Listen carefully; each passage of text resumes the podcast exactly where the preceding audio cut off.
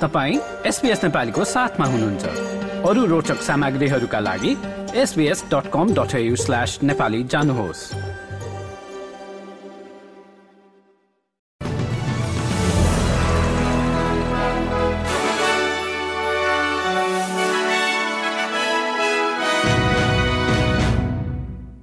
नमस्कार।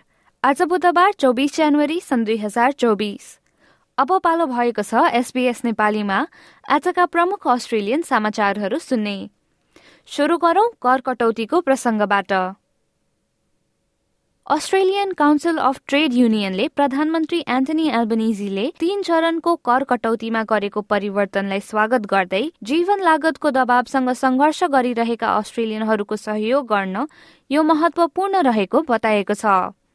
प्रधानमन्त्री एल्बनिजीले सडतिस प्रतिशत कर कटौतीलाई कायम गर्ने आफ्नो योजनामा परिवर्तन ल्याउनका साथै पचास हजार डलरसम्म कमाउने व्यक्तिहरूले कम कर तिर्नुपर्ने गरी लो इन्कम ट्याक्स अफसेटलाई बढाउने अपेक्षा गरिएको छ।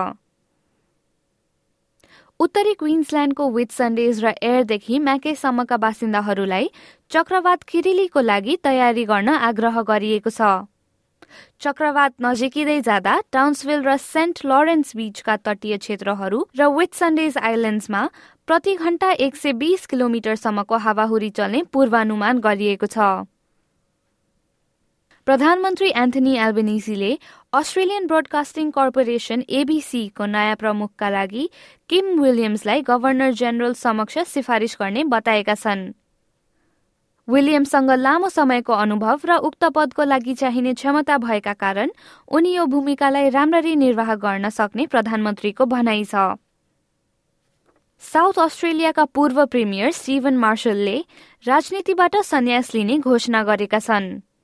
आफूले लगभग चौध वर्ष संसदमा बिताएपछि अब अरू कसैलाई अगाडि बढ्ने र डन्स्टनका जनताको सेवा गर्ने अवसर दिने उनले बुधबार एक विज्ञप्ति मार्फत बताएका हुन्। अब खेलकुदमा निक केरियोसले पेरिस ओलम्पिकमा अस्ट्रेलियाको प्रतिनिधित्व नगर्ने पक्का गर्दै टेनिस खेल्ने आफ्नो समय सकिएको संकेत दिएका छन्। पूर्व विम्बल्डन फाइनलिस्ट किरियोसले हालै अस्ट्रेलियन ओपनको क्वार्टर फाइनलका विजेता नोभ्याक जोकोभिचको अन्तर्वार्ता लिएका थिए र त्यसपछि उनले आफूले मिडियाको क्षेत्रमा करियर सुरु गर्न सक्ने बताएका छन्।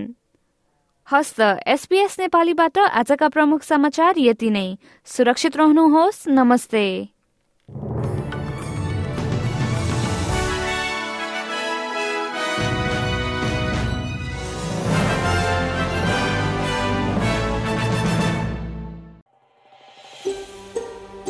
यो जस्तै अन्य प्रस्तुति सुन्न चाहनुहुन्छ?